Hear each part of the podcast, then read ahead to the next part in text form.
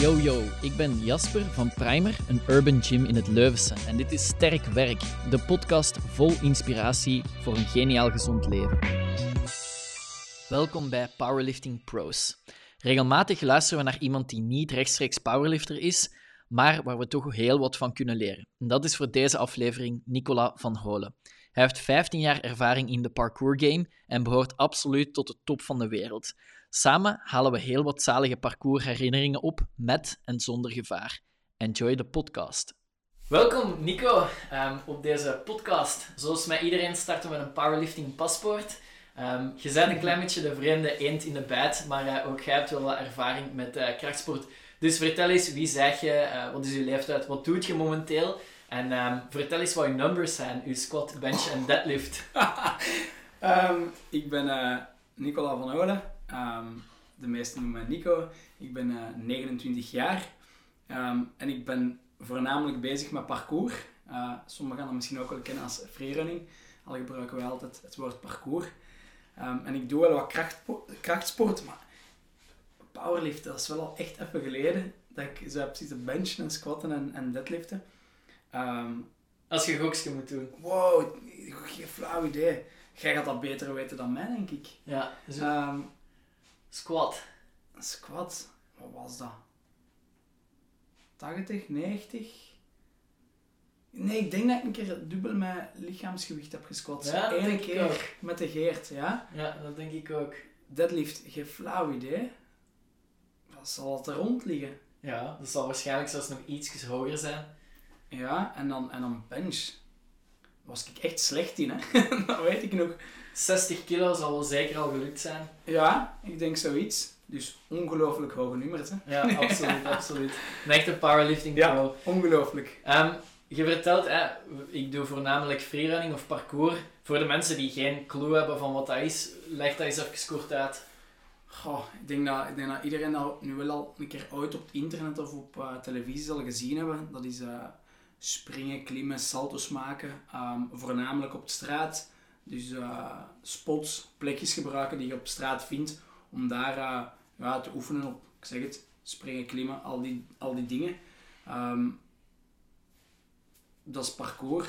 Um, we doen dan nu ook uh, ja, binnen in half vijf, want we hebben ja, onze eigen zaal.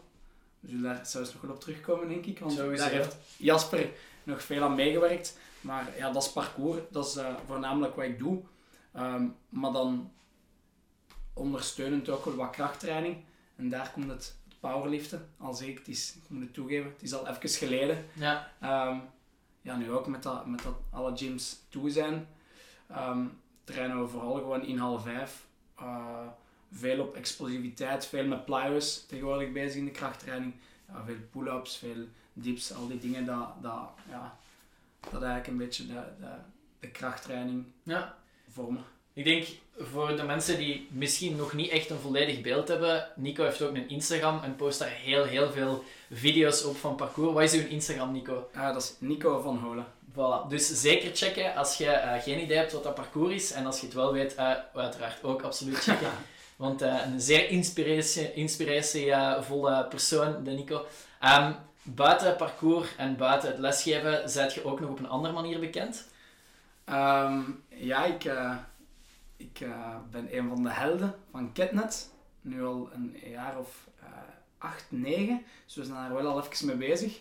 Um, helden is een programma, nogmaals ja, op Ketnet, dus voor de, voor de kids voornamelijk, um, rond bouwen en buitenspelen en ravotten.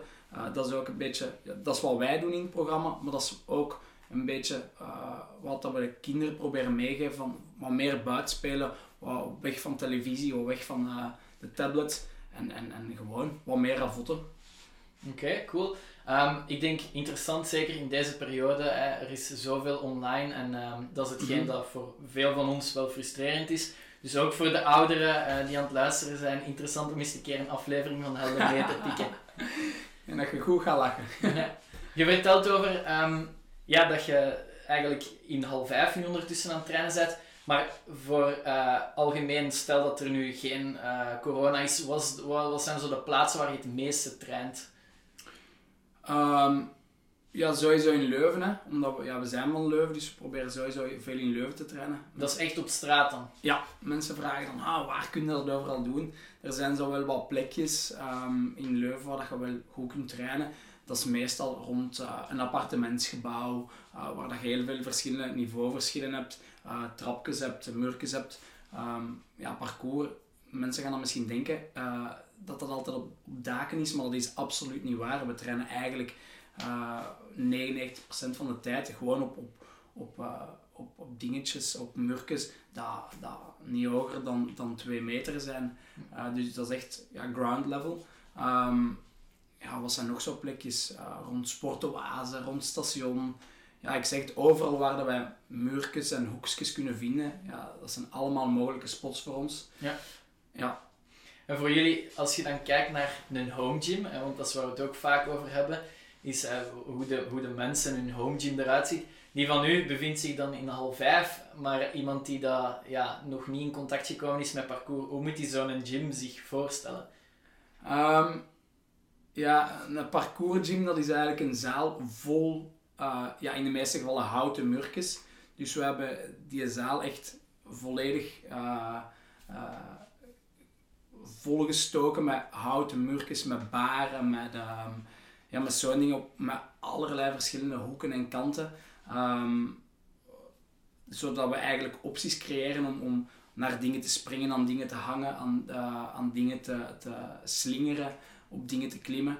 Ehm, ja, dus dat is echt heel random geplaatste murkjes in, in een grote ruimte. Ja, en ah, als je kijkt nu naar de huidige situatie, voor veel mensen die het gewoon zijn van in een gym te trainen, corona hit, alles is toe en mhm. ehm, ja, ze moeten eigenlijk op zoek naar een andere manier.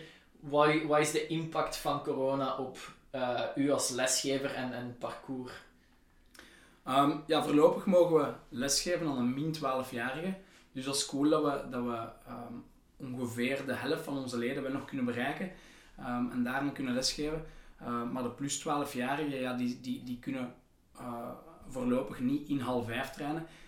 Uh, gelukkig is parcours ook een sport waar dat je niks voor nodig hebt. Dus, dus die plus 12-jarigen die hebben wel de optie om nog in kleine groepjes buiten te gaan trainen, om buiten spots te zoeken. natuurlijk, je merkt wel dat die een drempel hoger is. ten eerste in half vijf of in onze gym. Uh, je hebt tegels die al iets zachter zijn dan, dan beton wat dat je buiten vindt of steen wat dat je buiten vindt. Um, hout is ook al net iets zachter dan, dan, dan, uh, dan een, een, stenen muur. Dus je stap is wel wat groter. Plus nu in deze tijd, ja, het is, het is buiten snel donker, het is uh, regenachtig. Zelfs op een zonnige dag um, ja, zijn muurtjes nog altijd wel wat vochtig. Ehm, en dus gladder. Dus je stap om buiten te gaan trainen voor die man is wel groter. Het coole is wel dat je echt ziet op dit moment, zelfs met, met de donkere dagen, zelfs met de regen, dat er ongelooflijk veel volk buiten traint, omdat ze gewoon geen, geen andere optie hebben. En dat is wel neig. Ehm, maar je merkt wel dat iedereen uh, eager is om, om terug binnen te komen trainen. Um, en, en ja, wij kunnen ook gewoon niet wachten om de lessen terug op te starten, om, om wekelijks terug om zoveel volk les te geven. Ja. Als, je, als je kijkt naar powerlifting, is eh, squat, bench en deadlift drie redelijk duidelijke bewegingen waar je training rond gebouwd is. De meeste mensen hebben uh, gefixeerd hun momenten dat ze naar de gym gaan of thuis trainen en dus hun training doen. Mhm. Maar hoe ziet uw training eruit? Hoeveel keer trainde jij? Op, op wat wordt er getraind? Um, we proberen dagelijks te trainen. Dat lukt natuurlijk niet altijd, maar ik denk wel dat ik in praktijk zes van de zeven dagen ben aan het trainen. Ehm, en de meeste dagen is dat dan ook parcours. Ehm, maar dat is nooit altijd met, het, met dezelfde intensiteit. Ik denk dat dat hetzelfde is met powerliften. Je kunt niet elke dag voor je max gaan. Dat is onmogelijk. Met parcours is dat hetzelfde. Je hebt dagen dat je gewoon uh, met veel lagere intensiteit traint. En dan betekent dat gewoon dat je sprongen kleiner zijn. Dat je niet, dat je niet de, de grootste sprong gaat doen. Want nogmaals, dat kun je niet elke dag aan sommige dagen zeg je op zoek naar, naar uh, kleine klimchallenges, zo noemen we dat dan. Uh, plekjes waar je kunt klimmen, wat dan ook weer een veel lagere intensiteit is. Um, maar dat is, eigenlijk gewoon, ja, dat is, dat is geen, wij volgen geen schema, dus dat is gewoon hoe dat je voelt die een dag. Um, soms beginnen ook gewoon met een, met een hele rustige training en heb je in je hoofd van oké, ik ga uh, lage intensiteit trainen, kleine sprongjes doen en ineens raak je toch in vorm en zie je, zie je coole sprongen. Ehm, en en ga, je, ga gewoon door, tegen 100% ga toch voor je maximum gaan. Maar dus, we hebben niet echt een schema, dus dat is gewoon echt puur hoe dat we ons voelen. Ja, um, als ik kijk, en want je hebt uh, daarnet even aangehaald, ik heb zelf ook nog uh, lang parcourstraining gegeven. Ja. Um, en gedaan? Ja, ja, absoluut ook gedaan. Um, heel plezant, heel plezante sport om mee bezig te zijn, mm. in de twee richtingen, zowel als atleet als als coach. Ja. Als je kijkt naar het geven van zo'n parcourstraining je zegt nu van hey, we volgen niet per se een schema. Ja, ik ga ervan uit dat als je les geeft, dat je wel een soort van idee hebt. Hoe leert je iemand dan die verschillende bewegingen aan? Zit daar dan wel een structuur in? Ja, de lessen zijn wel heel gestructureerd. Ehm, dat is belangrijk. In het eerste geval vind ik dat heel belangrijk, omdat dat uh, wel zorgt voor, voor een... Uh, ja, voor veiligheid gewoon binnen de lessen. Ik denk als, als zo'n lessen heel ongestructureerd zou zijn, dan, dan zouden we veel meer ongelukken hebben. Wat dat, um, wat dat niet zo is. Uh, parcours is eigenlijk een redelijk veilige sport. Um, we warmen gewoon altijd op. Uh, zowel uh, de gewrichten wat, losmaken, wat lopen, wat warm worden, als wat ja, heel rustig met parcours beginnen. Dat is ook nog een stuk van de opwarming. Kleine, kleine sprongjes, kleine bewegingsjes beginnen doen totdat ze recht inkomen. Bij de kleine mannen, dat zijn de min 12-jarigen, spelen we ook altijd een spel bij de plus 12-jarigen spelen soms een spel. Soms is dat iets meer ehm, een, een, opwarming gericht echt op parcours. Ehm, en dan wordt er in kleine groepjes gewerkt. Dus we werken altijd met vier trainers. Elke trainer heeft zijn eigen zone. En binnen die zone wordt er altijd op uh, uh, andere bewegingen gewerkt. Um, en diezelfde, datzelfde thema of diezelfde bewegingen, daar werk je dan uh, een langere tijd op. Dat is zes à zeven weken. Dus elke trainer werkt op zijn bewegingen voor een langere periode. En binnen die bewegingen proberen we ook heel veel te differentiëren. Um, omdat ja, sommige kinderen kunnen al meer dan andere kinderen. Dus je voorziet uh, een basisoefening en je voorziet dan ook makkelijkere en moeilijkere variaties daarvan. Um, en je bouwt die gewoon heel rustig op. En, en sommige kinderen die zijn daar heel snel mee weg. Dus daar ga je heel veel uh, variaties voor moeten voorzien. Um, maar dat is heel afhankelijk van je groep en van je leeftijd. Um, maar het coole is, bij parcours zie je gewoon echt dat die... Uh, we geven die wel les, maar die begrijpen ook echt die bewegingen heel goed. Dus die gaan zelf ook al snel op zoek naar, naar eigen variaties. Um, en dan het belangrijkste bij onze lessen is echt uh, veiligheid en controle. Het kan zijn dat ze bewegingen al heel snel kunnen, maar dat ze dat maar gewoon doen zonder enige techniek. En dan, uh, ja, dan, dan worden die bewegingen gewoon onveilig. Dus we gaan echt uit van hele rustige progressie, zodat ze echt uh, de bewegingen kunnen voordat ze eigenlijk naar, naar een moeilijkere stap overgaan. Dus echt vanuit veiligheid en controle. Ja, dat is iets wat ik uh, in de afgelopen interviews zeker ook heb uh, horen terugkomen. Dus ik denk allee, qua training dat de basis toch heel vaak opbouwen in kleine stapjes is. En ja. leren om de techniek en dus in dit geval vooral de veiligheid ja. te respecteren. Um, je vertelt over de verschillende bewegingen, uh, de progressie, niet alleen op bewegingsvlak, maar ook op de persoon zelf. Maar zijn er ook competities in parcours en werk je daar naartoe? En is dat iets waar, waar dat je ja, je motivatie ook uit haalt? Of, of hoe werkt dat juist?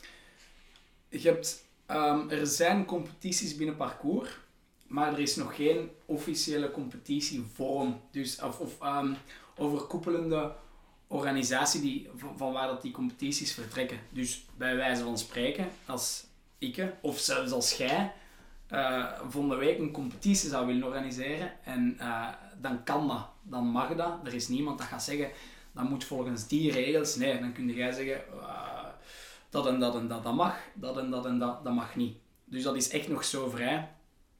Um, dat is enerzijds cool, want dat geeft mensen de kansen om, om uh, competities op te starten. Maar anderzijds uh, zijn er dan ook heel, je begint dan nu wel te merken, dat er mensen eigenlijk daar geld in zien en competities beginnen opstarten, terwijl dat die daar eigenlijk helemaal geen feeling mee hebben. Um, en binnen parcours zijn, zijn de, ja, de mensen die parcours doen, die zijn wel heel fier op onze de parcourscultuur en zo. Dus we willen dat zo, niet zomaar afgeven aan, aan ja, mensen dat, dat daar gewoon het geld in zien. Ehm, op dit moment heb je zo de drie meest bekende parcours-competitievormen. Dat skill. Skill dat betekent dat ze eigenlijk uh, x aantal uh, challenges voor je zetten. Dat je eigenlijk x aantal ehm, bepaalde sprongen of combinaties in die setting moet lukken, moet volbrengen. Um, en dat kan zijn dat je maar x aantal pogingen hebt. Dat kan zijn dat je die x aantal opdrachten moet doen binnen, binnen de, de zoveel minuten. Um, maar nogmaals, dat kunt jij als, als degene die de competitie runt, dat kun jij bepalen. Ja. En hoe, hoe, wordt dat dan beoordeeld, die skills? Gehaald ja, het of gehaald het niet? Gehaald het of gehaald het niet. Um, en als het echt heel ongecontroleerd, als je dat heel ongecontroleerd lukt, ja, dan, dan haalt je het ook niet. Mm. Um, dus zo wordt, dat, zo wordt dat beoordeeld. Dan heb je speed. Ja, ik denk dat uh, het woord zegt hetzelfde. Dat is gewoon een parcours afleggen uh, om ter snelste. Uh, dat kan zijn dat je dat per twee tegen elkaar doet of gewoon tegen de tijd.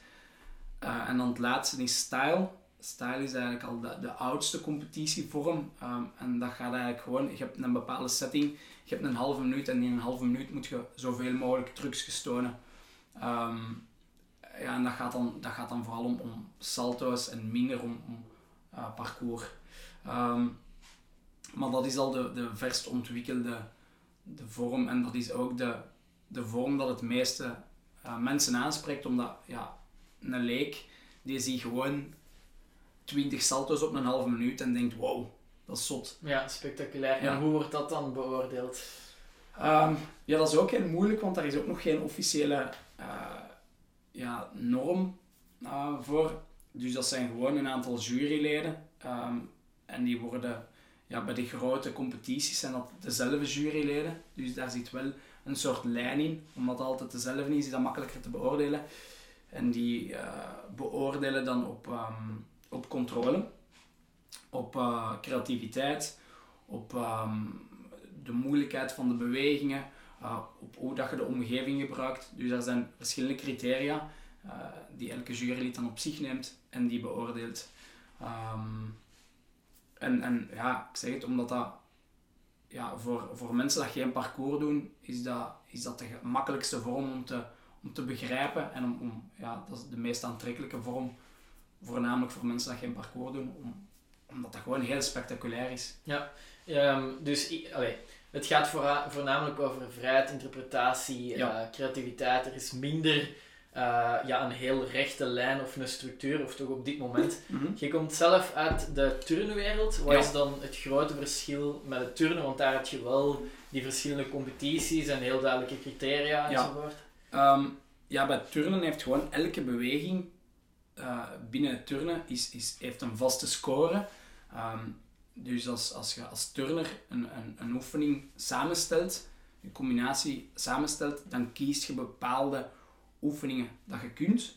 Um, en je kiest die omdat die bepaald aantal punten waard zijn en je probeert zo een zo hoog mogelijke score te halen. En dan probeert je die oefening uh, met zo minst mogelijk fouten uit te voeren. Bij parcours is dat er nog niet. Ja, er worden letterlijk dagelijks worden er uh, nieuwe bewegingen uitgevonden. Um, en dat is, dat is juist het coole van die sport, dat er, dat er zoveel creativiteit is. Je ziet iemand iets doen en je denkt, ah, dat kan ik doen met nog een halve draai of op een lichtelijk andere manier. Um, en bij turnen mag dat gewoon niet. Bij turnen is letterlijk, je moet, um, als je iets nieuws uitvindt, dan moet je dat op een Europees kampioenschap tonen, of op een wereldkampioenschap, of op de Olympische Spelen. Uh, want anders stelt die beweging niet. Dus als, op een Belgisch kampioenschap kan ik met een nieuwe beweging komen, die hebben we nog nooit gezien, dus dat telt niet. Dus dat is nutteloos. Um, maar dat, is juist, dat gaat juist in tegen de creativiteit van parcours. Want in parcours kun je constant met nieuwe bewegingen komen en dat maakt dan net, net zo cool. Dus daar zit ook het grote verschil. Um, dat is ook een beetje het moeilijke om parcours te beoordelen. Daar is heel veel discussie over, omdat er niet echt... Ja, ik kan een beweging zo moeilijk vinden, maar jij gaat dan zeggen, ja, voor mij is die beweging makkelijk, dus ik ga daar eigenlijk uh, minder punten aan geven. Dus die beweging is voor mij minder waard. Dus dat is wel moeilijk om, um, om te beoordelen. Ja. Um, als, je, eh, als we dan vergelijken met gymnastiek, ja, is het heel duidelijk om te zeggen: dit is de nummer 1 van de wereld of de nummer 1 Ja. van België, want dat is met punten en plaatsen. Ehm, je hebt het daarnet eh over de competities op parcoursvlak gedaan, Mhm. eh, gehad, maar hoe voor jezelf dan, hoe bepaalt jij van: kijk, dat is voor mij de top van de wereld of de top van België op vlak van parcours? Wow, dat is, dat is heel moeilijk. Ehm, ik denk dat je dat niet kunt bepalen. Ik denk dat dat ehm, onmogelijk is om te zeggen, ja, dat is de beste in parcours. Want er zijn ten eerste zoveel verschillende stijlen. Er zijn mensen die echt puur parcours doen, geen salto's doen. Dan zijn er mensen die enkel salto's doen, bijna geen parcours. En dan zijn er mensen dat en dat is het overgrote deel, op dit moment dat eigenlijk eh, een mix doen tussen parcours en, en salto's.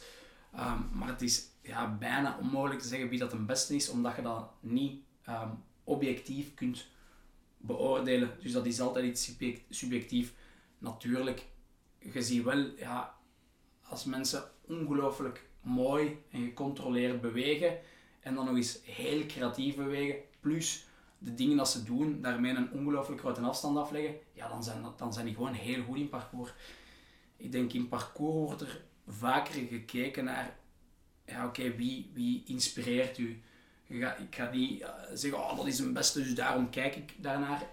Voor mij is eh, iemand dat heel mooi en heel creatief beweegt, ja, die inspireert mij. Dus dan ga ik eh, die hun Instagram goed opvolgen, omdat dat, omdat dat gewoon een goede bron van inspiratie is voor mijn training. Ik ga dingen dat ik zie eh, kopiëren en ook proberen. Ik zoek plekjes dat ik die of die beweging kan doen.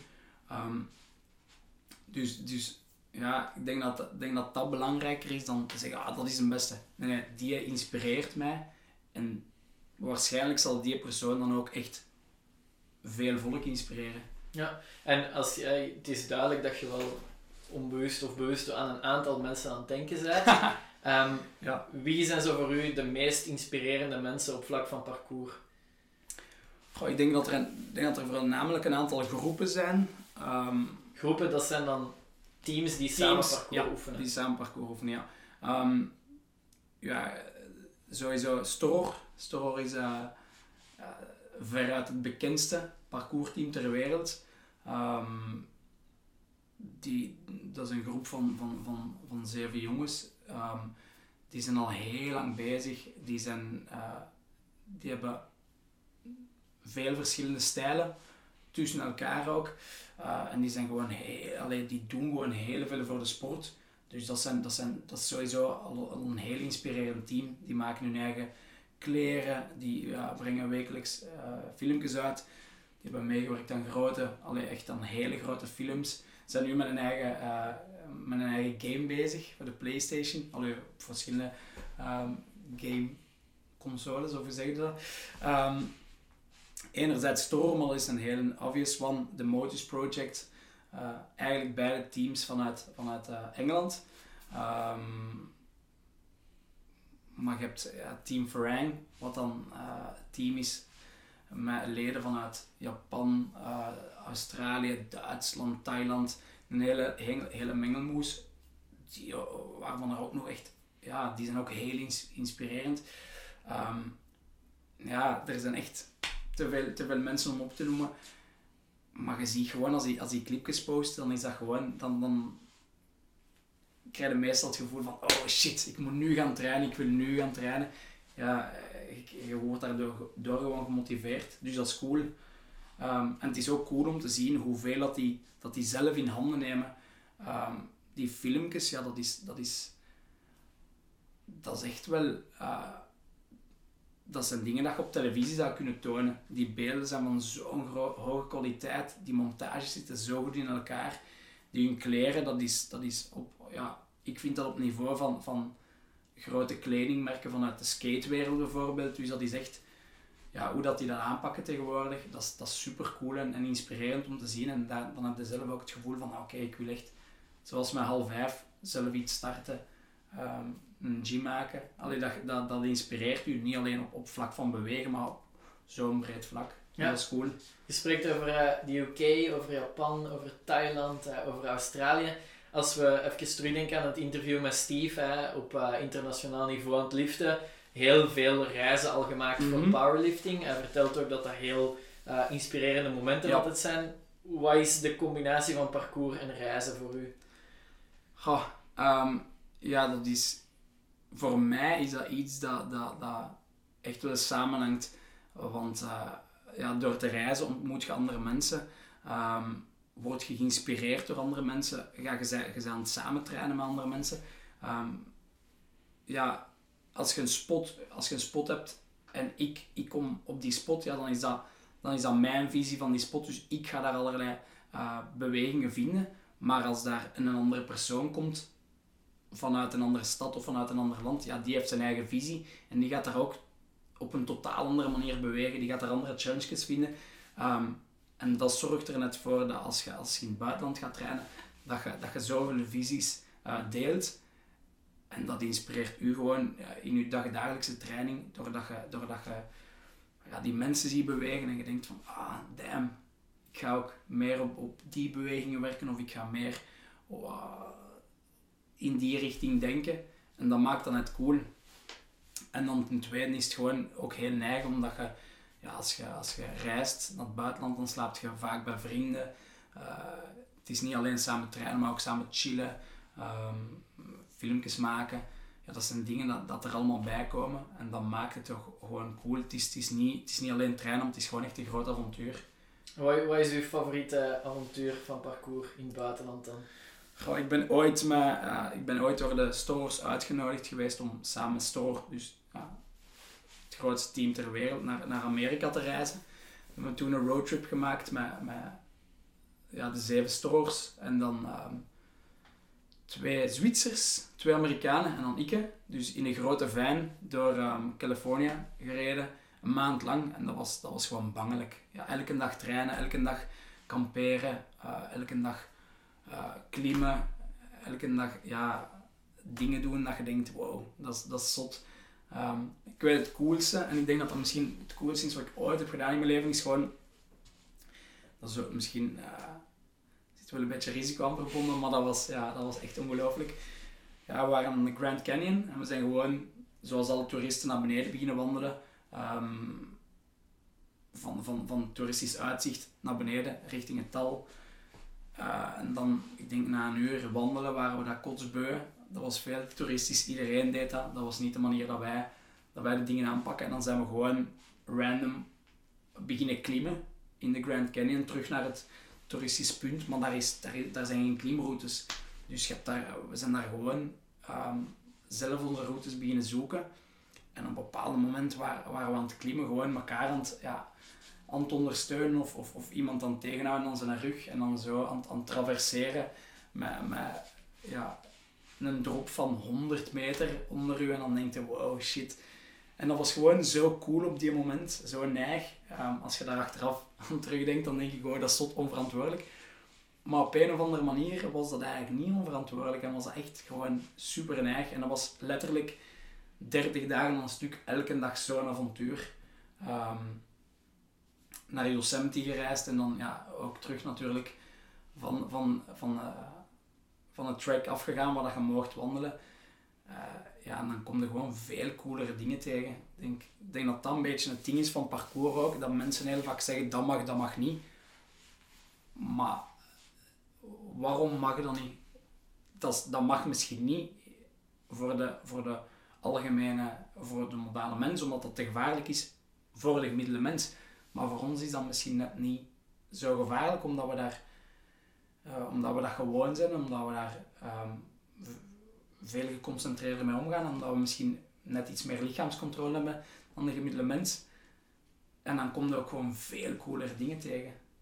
Ja. ja. en, dat, en dat zorgt gewoon voor de avontuur. En dat was, ja, dat was in Amerika echt letterlijk elke dag. En dat is vaak als we reizen dat je zo, ja, net iets meer uitgedaagd wordt. Ja, ja als ik uh, terugdenk aan mijn onvergetelijke parcoursreis, dat was uh, met Nico onder andere naar uh, Frankrijk, naar de bakermat van parcours. Ja. Daar hebben we ook wel een aantal onvergetelijke stories meegemaakt. Ja, super vet. Um, als ik terugdenk daar aan ons tripje, dat was ook in een van. zijn we toen ook een, een monument gaan beklimmen. Ja En dat was eigenlijk, ja, dat mocht niet, hè, omdat dat ook gevaarlijk was. Maar inderdaad, zoals Nico aanhaalt, als je op zo'n level en zo geconcentreerd met iets bezig bent, dan weet je echt wel wat je doet. Ja. En ik denk dat we allee, allebei instemmen met het feit dat dat zeker niet iets is dat zomaar iedereen moet, eh, moet doen. Nee. Zoals je ook zegt, hè, de modale mens. Maar als je daar op dat level mee bezig bent, dan ja. En eh, we werden toen naar beneden gehaald door, eh, door de politie. Ja. En, ehm, als, als brave buitenlanders op dat moment zijn we uiteraard terug naar onze van gegaan. En dan hebben we even later nog een eh, confrontatie met de politie gehad. Nico, vertelt dat eens. Ehm, als ik me niet vergis, waren wij op zoek naar een slaapplek. Maar we wouden toen niet op hotel slapen. Ja. Want we doen dat zelden op een, op een parcourstrip. Dus we waren op zoek naar een plekje om te gaan wild kamperen. Maar het was ongelooflijk hard aan het gieten. Maar echt, dat je geen vijf meter voor de auto kon zien. Want het zo hard aan het regenen was. Ik herinner me precies ook, maar dat is misschien alleen een herinnering, omdat er bijna geen straatverlichting was. Ja, nee, het, was, eh, het was moeilijk om te rijden, Ja. absoluut. En ehm, dus we waren gewoon pal de rood licht gereden, maar echt, toen we het door hadden, was het al veel te laat. En dan dachten we, ah, chance, er is niet veel volk op straat. Behalve dat er echt pal achter ons een, een, een politiewagen reed. In instant, ben eigenlijk in een sketch. hè. We zeiden echt net van, maar chance dat niemand deze gezien heeft. En gewoon, hup, achteruit, kijk, Tjak. spiegel, Politie. lichten aan. Ehm, en dan, en dan ehm, moesten we een boete betalen, denk ik, maar we moesten die ook instant betalen. Ik weet niet Maar hoeveel dat was. Als, als ik je even mag onderbreken, ik weet vooral nog, we zaten toen in een van waar je helemaal niet met vier of vijf Ja, man in, ja. mocht, in mocht zitten. Die achterkant was omgebouwd en ja, daar waren niet echt zitplaatsen. Nee, dat was, dat was gewoon zo'n bankje met zetels erop, maar die zetels hadden ook geen, geen gordels, als ik me niet vergis. Ja. Dat was ook, je kon daar slapen, maar dat mocht denk ik ook niet. Dus we, we werden dan gestopt en ik zat met Nico onder andere achterin. En we waren gewoon aan het denken, doet die deur niet open, doet die deur niet open. En ja, plots eh, gaat de deur wel open. Vertel verder. Ja, die, ja die, die politieagenten, ik denk dat die ook direct hebben gevraagd van, ja, allee, die van, je mocht hier, allee, dat mag niet. En ik denk dat het antwoord toen van Bart was, ja, maar in België mag dat wel. Ik denk dat hij zoiets heeft geantwoord, terwijl dat, dat in België ook zeker niet mag. Ehm ze hadden een boete aan ons been, ja, voor door het rood licht te rijden. Eh, en ik weet niet hoe dat komt. Ik denk dat die hebben gezien dat wij gewoon allemaal een beetje onder de indruk waren en een beetje... Ja, ik herinner mij ook vooral nog dat een van die agenten echt een mega wapen vast had. Ja, ja, ja. En één iemand was super vriendelijk en de andere was echt niet zo vriendelijk. Good cop, bad cop. Ja. En ja, ik zeg het, ik denk omdat wij zo wat... Ja, we waren ook echt jong, hè. Ik denk dat wij twintig waren of Ja, zo. zoiets. Zal toch niet veel ouder zijn geweest. En ik denk dat die door hadden van, oei, oei, ja, die mannen bedoelen dat hier eigenlijk allemaal niet slecht. Dus ze hebben die boete dan laten vallen en ons eigenlijk gewoon laten doorrijden. Ehm, ja, ik weet niet of het hun bedoeling was om, om gewoon zo een keer ons goed af te schrikken. Zodat ze zorgen ervoor dat we, dat we achteraf braaf bleven. Maar ja, het heeft toch, toch geholpen. Want ik denk, als ik me niet vergis, dat we dan toch braaf op hotel zijn gaan slapen. Ehm, ja, dat was... eh, ja, dat zijn dingen dat gebeuren, hè. Ja, nooit, nooit vergeten. Hè. Dat, dat ga ik nooit vergeten, dat moment. Come on. Yo, geluisterd naar Sterkwerk, de podcast van Primer, een urban gym in het Leuvense. Zometeen meer pro-tips, maar ik wil er ook even van profiteren om onze eigen coaches een shout-out te geven. In de Primer, maar ook online, zorgen zij ervoor dat je veilig en op maat kunt sporten. Check het hele aanbod op primeracademy.be. Waar ik heel hard door terugkomen in het verhaal dat ik nu net ook meegedeeld heb, is inderdaad, je maakt momenten mee, je bent in de moment en het is vooral iets dat je samen met je vrienden ehm, meemaakt. De community eh, binnen parcours is ook echt ongelooflijk Mhm. welcoming. Net zoals gezegd, als je op trip gaat, dan kun je altijd wel ergens slapen. Ehm, zijn er dingen die je zou aanraden? Want iemand die bijvoorbeeld nu geïnteresseerd is en ik wil misschien wel starten met parcours en die hoort die wilde verhalen. Hoe kun je daar op de beste manier mee starten? Misschien wil er iemand van de powerlifters wel overstappen naar parcours. Allemaal welkom. Ehm, ja, ik denk... We zijn, we zijn zo geëvalueerd dat je eigenlijk overal wel les kunt volgen. Ehm, dus de beste tip dat ik u kan geven is... Typ gewoon een keer je stad in. Bijvoorbeeld Gent eh, parcours in Google. En dan ga je ongetwijfeld wel eh, mensen tegenkomen die, die ook in Gent bijvoorbeeld aan parcours doen. Ehm, en die u gaan willen helpen, die u gaan meenemen op de straat om u wat dingetjes uit te leggen. Of ehm, wie weet is er wel ergens eh, een organisatie dat, dat parcourslessen geeft. Ehm, zoals bij ons in, in, in Leuven, wij geven les onder de circusschool uh, in half vijf. Dus Circus in Beweging. En daar, daar kun je terecht uh, met al uw vragen over de lessen. En dan kun je gewoon bij ons lesjes volgen. En als je echt geïnteresseerd bent om, om, om naast binnen uh, les te volgen, ook echt uh, verder te gaan met parcours en om, om buiten te beginnen trainen, dan zijn er altijd wel mensen die u gaan meenemen op, op, op trainingen en u gaan helpen met gewoon beter te worden in parcours. Ja. En uw spots te leren kennen en u een beetje de know-how te geven over hoe dat je omgaat met, met bijvoorbeeld ja, mensen die niet willen dat je daar traint, hoe dat je daar uh, uh, best mee, mee babbelt en zo'n zaken. Ja, ik denk ook iets allee, wat we duidelijk horen terugkomen is op dit moment, zowel bij powerlifting als bij parcours, is er gewoon heel, heel veel mogelijk. Hè. Je hebt ja. overal inderdaad lessen, je kunt mm -hmm. overal info terugvinden. Um, ja, je, gaat, je bent zeker zelf al meer dan tien jaar bezig. Weet je exact hoe lang ongeveer? Uh, ik weet, ik, want ik heb dat na een aantal jaren, als ik parcours, uh, als ik al parcours deed, dacht ik, oké, okay, dit is iets dat ik wel, waar ik wel lang mee ga bezig zijn. Dus ik heb dat opgezocht en dat is um, 19 februari 2006 ben ik gestart. Dat was een zondag, 19 februari 2006. Dus dat is bijna 15 jaar. Hm. Dus het is binnenkort een celebration van 15 jaar parcours. Um, ik weet zelfs nog, het moet rond een uur, ja, het moet op de middag zijn geweest. Want ik weet dat ik morgens training had, turntraining. En dat ik dan in de namiddag, um, dat we ons verveelden met, met, de, met, de, met onze vrienden van, van de wijk. En dat we dachten, kom, we, hebben, we hebben dat online gezien, we gaan dat zelf een keer proberen in de buurt. Um, ja, want daar is alles gestart eigenlijk direct met een grote vriendengroep van een man of tien een beetje parcours beginnen doen. Um, na 15 jaar is van die vriendengroep nog, nog één iemand over die ik, uh, die ik, waar ik nog wekelijks mee train. Uh, shout out to de Matty. hij, is gisteren nog, hij woont nu in Antwerpen, maar hij komt nog wekelijks in Leuven trainen. Hij is gisteren nog in Leuven geweest uh, en geeft ook nog altijd les hier in Leuven. Um, maar, die, maar die vriendengroep van parcours die is al, die is al duizend keer geswitcht doorheen die 15 jaren.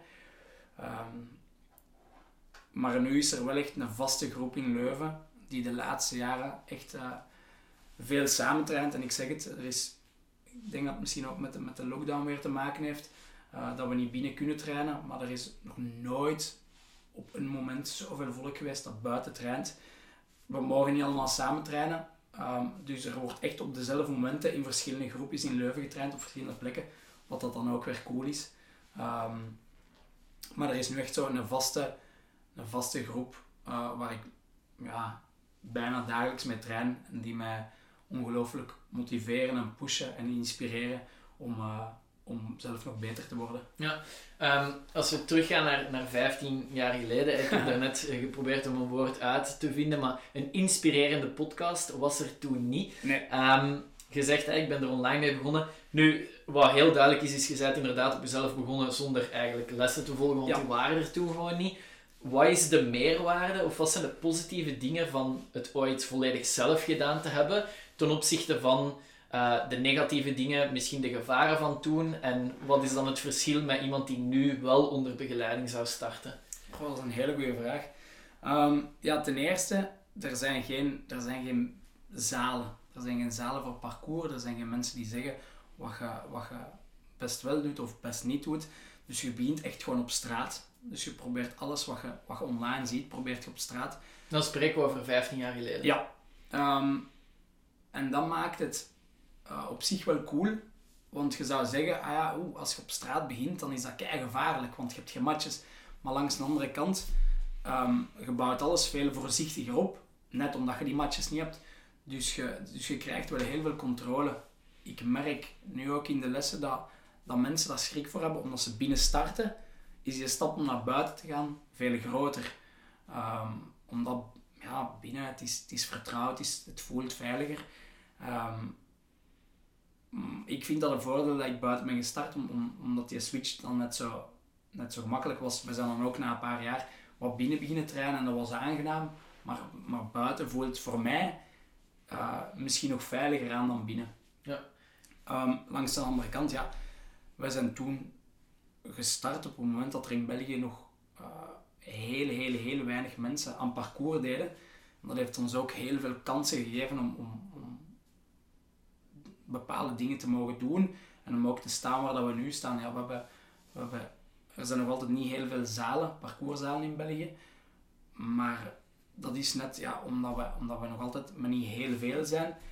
En dat zorgt er ook voor als er, als er uh, echt ja, zotte uh, jongens en meisjes van het buitenland komen, dat die wel naar onze gym komen.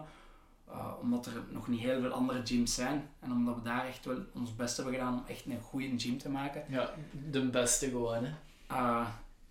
ja, misschien wel. Ja, misschien van wel. België denk ik zonder twijfel.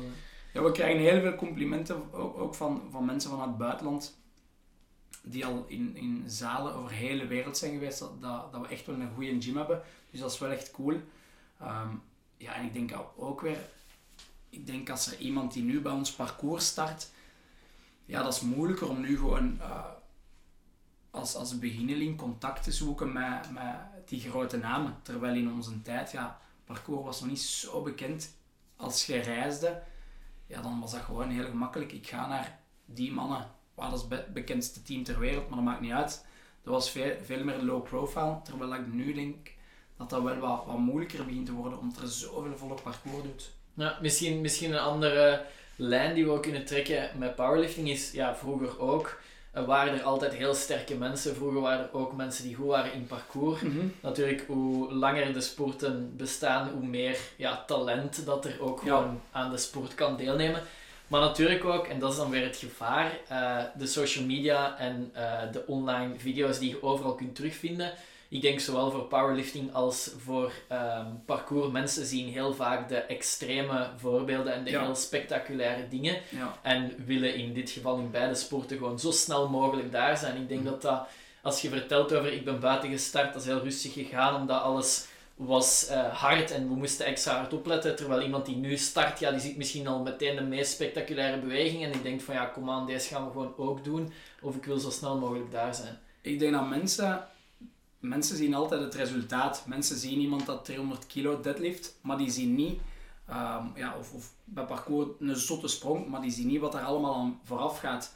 Bij parcours is dat jarenlang trainen, niet duizend, maar, maar honderdduizend kleine sprongen eh, die leiden tot die grote sprong.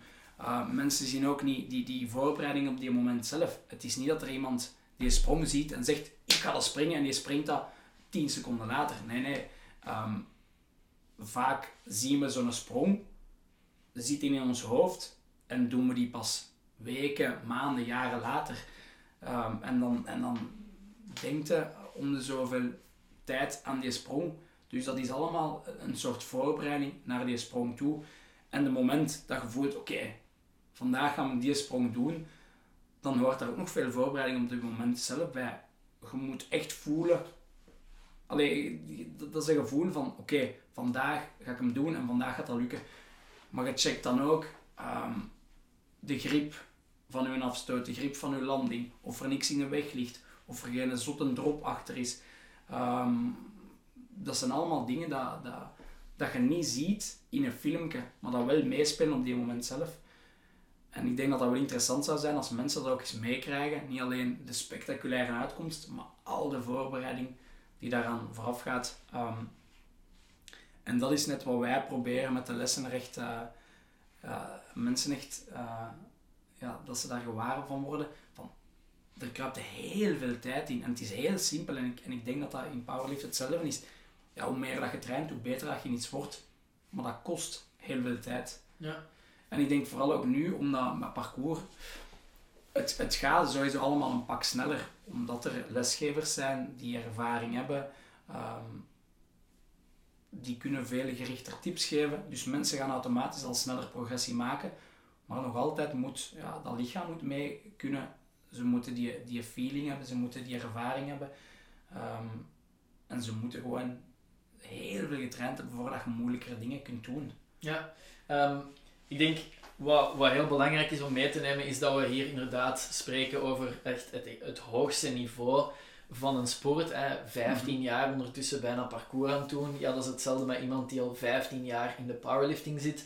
Dan weet je ook dat er veel meer bij komt kijken dan een sprong doen of een baar opheffen. Hè. Het is echt Mhm. wel veel meer dan dat. Ehm, dus niet het gemakkelijkste misschien, maar om een soort van vergelijking te maken. Ehm, op welk level bevindt jij je?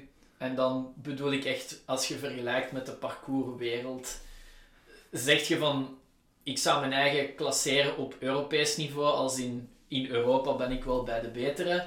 Of zeg je van, nee, zelfs op de wereldtop kan ik echt, kan ik echt mee.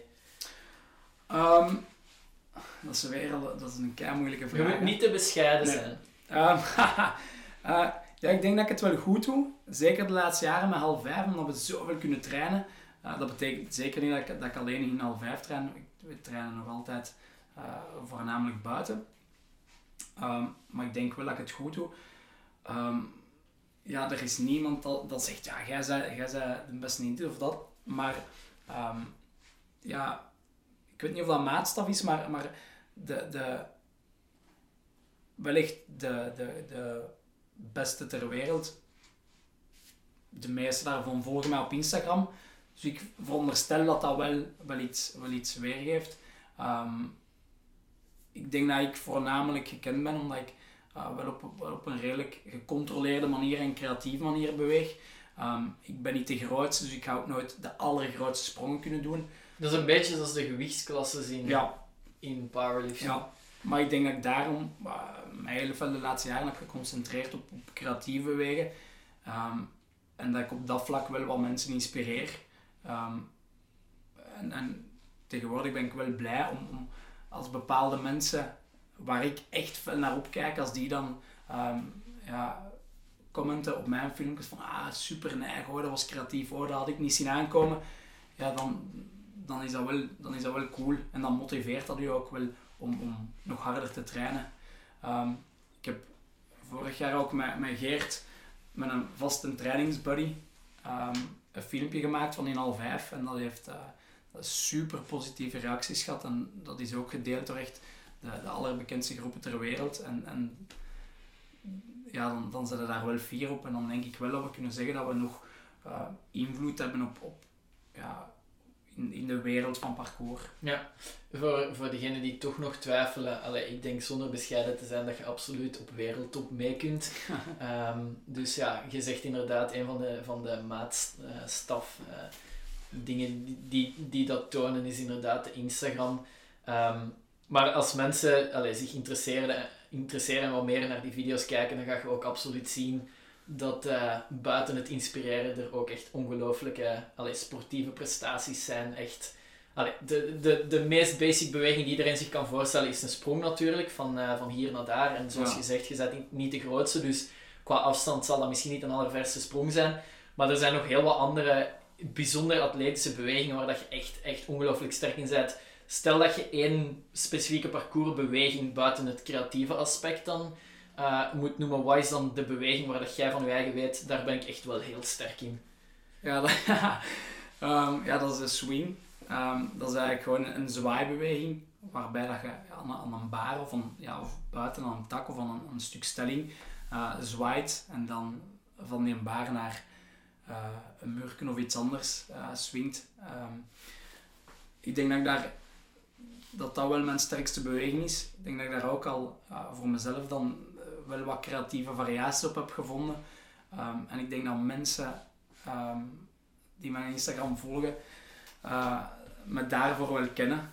Ehm, en ik vind dat ook gewoon echt het allerplezantste om te doen. Dat geeft echt het beste gevoel in, in parcours om gewoon te kunnen swingen. Super vet. Eh, de, de afstanden bij parcours worden in voet gemeten. En voor Ja. de meesten waarschijnlijk die luisteren, ga je niet echt kunnen voorstellen hoeveel voet dat dan is. Maar in meters heb je een idee hoe ver dat jij kunt swingen. Ik denk dat dat toch 4 à 5 meter is. Ja. Ik denk als je echt vol een bak gaat, dat je wel 4 à 5 meter kunt overbruggen met Dus- swing. Je kunt sowieso in ieder geval dan verder swingen dan springen. Ja, sowieso. Oké, want natuurlijk, hè, het ene is 4 à 5 meter ver kunnen swingen. het bijkomstige punt, en dat is dan nog het zotse van al, is dan inderdaad op de rand van een muur landen na die 4, 5 meter en gewoon volledig stil blijven staan. Ja, aan de rand van een muur of, of, of in het extreme zelfs eh, een baardje, Ja. dat dat eh, redelijk dun is. Ehm, ik denk dat mensen dat nog altijd het zotste vinden dat wij kunnen springen of swingen of, of, of iets anders doen naar, naar zo'n baardje, maar dat is iets dat je, dat je ook echt gewoon wordt. Ehm, en dat gaat misschien heel loes klinken, maar ik land vaak liever op een baar dan op een brede muur, omdat je dan nog geconcentreerder bent en nog ja, er is gewoon nog min, allee, minder, er is minder ruimte voor, voor, voor mislukken. Ja. Dus je moet echt nog meer gefocust zijn. En dat maakt het wel echt net cool. En dan het gevoel om op een baar te landen en gewoon stil te staan en te kunnen blijven staan is echt, ja, dat, dat is mijn parcours. Ja. Dat is super vet. Ehm, stel dat je zegt van ja, mijn intentie of mijn doel is om nog verder of nog beter te swingen. Welke oefening of zo kun je daar dan voor doen? En dan heb ik het niet speciaal op iets van kracht. Het zou kunnen uiteraard, maar wat doe jij echt om gewoon nog sterker te zijn in je swing? Ehm, sowieso zoveel mogelijk variaties van swings doen. Zoveel mogelijk va- variaties van parcoursbewegingen, maar, maar specifieke swings. Ehm, en daarbij ook wel wat, wat krachttraining. Ehm, ik denk weighted pull-ups en al die zaken en, eh, zijn, zijn echt wel essentieel om verder te kunnen swingen. Ik denk nog meer eh, dat, dat mijn core nog sterker moet worden. Ehm, en, en dan ga ik misschien nog net iets verder geraken. Ehm, maar maar het, het gaat ook weer al niet om, om het allerverste te geraken. Het gaat om, om eh, je swing te kunnen toepassen op allerlei plekken waar dat je kunt swingen. Oké, ik, zie, ik zie een baar en ik zie een muur. Ehm, het kan zijn dat dat niet kei ver is, maar dat je van heel hoog moet droppen. Of dat je in een vreemde hoek moet landen. En je wil eigenlijk in al die situaties gewoon eh, ja, die swing kunnen doen. Ja, Ehm, ja dat klinkt gewoon echt allee, heel versatile, Mhm. heel veelzijdig als atleet. Ehm, buiten de parcourstraining zelf in uw leven, wat zijn zo de dingen die u ook echt ondersteunen in uw parcourstraining? Dan kijk ik naar eh, voeding, maar misschien ook, ja, gelijk als gezegd, omdat er toch ook wel wat psychologie bij komt kijken, mindset, zo wat die punten. Ehm, het is niet dat ik zo eh, mediteer of zo daarvoor. Uh, wat ik wel echt. Ik denk gewoon heel veel aan parcours. Ik ben daar heel veel mee bezig. Uh, als ik s'avonds ga slapen, ja, dan is dat wel echt het- hetgeen wat bijna altijd in mijn gedachten zit. Van oké, uh, morgen ga ik daar trainen, wat kan ik daar doen? Ah oké, dat is een coole combinatie. Dan blijf ik daar aan denken. Dan zeg je daar wel op een bepaalde manier al, al, al mee bezig, al op gefocust. Ehm, ja, ik probeer sowieso wel op mijn voeding te letten. Ehm, ja, je merkt ook gewoon, ja, ik word er 30. Je zegt geen 16 meer, waar dat je zeven Twixen in je mond kunt gaan steken en, en, en dat dan niks meer doet met je lichaam. Dus eh, je, moet daar wel, je moet daar wel gewoon meer mee bezig zijn. Maar ik probeer dat ook niet, niet te overdrijven. Dus evenwichtig daarmee bezig. Ehm, en dan, ja, krachttraining is sowieso wel iets, wel iets dat echt helpt. Ik, ik weet gewoon, ja, uh, als jij een schema hebt opgesteld, Japs, en, en we volgen dat schema echt twee keer per week keigoed, ja, dan merk je dat je landingen gewoon nog stabieler zijn, dat je, de kans op blessures nog veel kleiner is, dat je verder kunt springen, dat je explosiever bent. Dus dat zijn wel de dingen die mij voornamelijk ondersteunen. En dan langs de andere kant ja, is, is het uh, hele uh, videogegeven van parcours is ook echt heel belangrijk. Um, ja, ik kijk, ik volg heel veel volk van parcours op Instagram. Dat geeft mij heel veel inspiratie, maar ook op YouTube filmpjes. Dat is iets dat er, dat er ja, dat, dat onmisbaar is in parcours om u, om u inspiratie te geven en dan ook weer om u um, mentaal in de game te krijgen. Ja, um, over het mentaal in de game zijn. Dus vergelijk het misschien met een powerlifting-wedstrijd. Hè? Dus op het moment dat je echt moet presteren, voor de meeste uh, mensen die op hoog level liften, ja, er is een heel lange voorbereiding aan vooraf gegaan, mm -hmm. waar we het al over gehad hebben. Maar in de moment zelf, hè, je staat klaar voor naar je boom te springen of naar je baar te springen. En je gaat echt een swing doen die je nog niet gedaan hebt. En je weet, dit is echt niet simpel. Of het nu ver is, of het nu een variatie ja. is of een complexe hoek om te landen. Wat is het proces dat daaraan vooraf gaat? Um, Ja, een training begint meestal gewoon met, met gewoon wat op te warmen en dan begint je wat sprongjes te doen. En dan is er altijd een moment, maar dat is kei moeilijk om uit te leggen, het moment dat je voelt, oké, nu kan ik echt, echt, nu ben ik echt in vorm, ik voel mij in vorm, ik ben warm. Ehm, en dat je echt de grotere dingen aan kunt. Ehm, en dat is echt het moment dat je, dat je, dat je voelt, oké, nu, nu kan ik echt uh, alle moeilijkere dingen die ik er vandaag al heb gezien, die ik misschien wou doen, nu kan ik die allemaal proberen.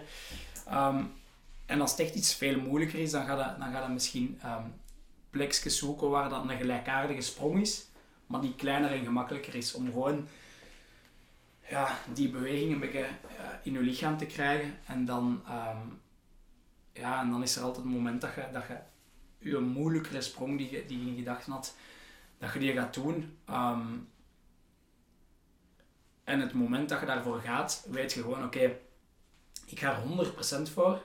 En ik heb ook gewoon een plan B en een plan C in mijn uh, achterzak zitten voor als het, als het mislukt, dan moet ik dat of dat of dat doen. Um, dat zijn enerzijds reflexen, maar dat zijn anderzijds ook um, bepaalde bewegingen dat je, dat je inoefent om, om ja, gewoon veilig te kunnen mislukken. Het is niet als wij net niet op een muur landen, ja, dat het dan afgelopen is en dat we geblesseerd zijn. Of, of... Nee, nee, dat zijn dat zijn reflexen dat je, dat je je eigen aanleert en dat zijn een, een bepaalde houding dat je je lichaam inzet om, om veilig te kunnen mislukken. En de kans is groot dat, dat bepaalde dingen tien keer veilig mislukken voordat het effectief lukt. Ja. Dus het is niet dat het in één keer moet lukken of dat, het, of dat je geblesseerd bent. Nee. Ja, maar dus uh, de gelijkaardige bewegingen oefenen, gelijkaardige afstanden enzovoort maar dus op het moment dat je echt klaar staat voor die ene beweging te doen, waar dat je naar aan het opbouwen bent, wat gaat er dan in je hoofd om? Ja, je probeert die beweging dat je gaat doen gewoon al te visualiseren. Dus de beweging dat je gaat maken, probeert je in je hoofd al um, na te spelen en je, en je, en je denkt al, oké, um, dat en dat en dat moet ik doen. In die houding moet ik uh, mezelf houden, daar moet ik echt op letten. Um, en dan is het gewoon een kwestie van de momenten voelen en te doen. Ja, en dus je spreekt over, je hebt een beweging die je gaat doen, maar je hebt ook een plan B en plan C als het, uh, als het niet zou lukken. Stel dat je een beweging wilt doen en je weet, oké, dit is mijn plan B, dit is mijn plan C, maar er is ook een kans op een plan D en dat wil wel echt zeggen blessure. Ga je er dan voor of niet? Ja, er, is altijd een risico aan verbonden. Hè. Ik denk dat je dat, dat is met powerliften. Hè. Je weet, oké, ik kan dat gewicht en mijn techniek zit goed, maar om de een of andere reden raakt je toch geblesseerd.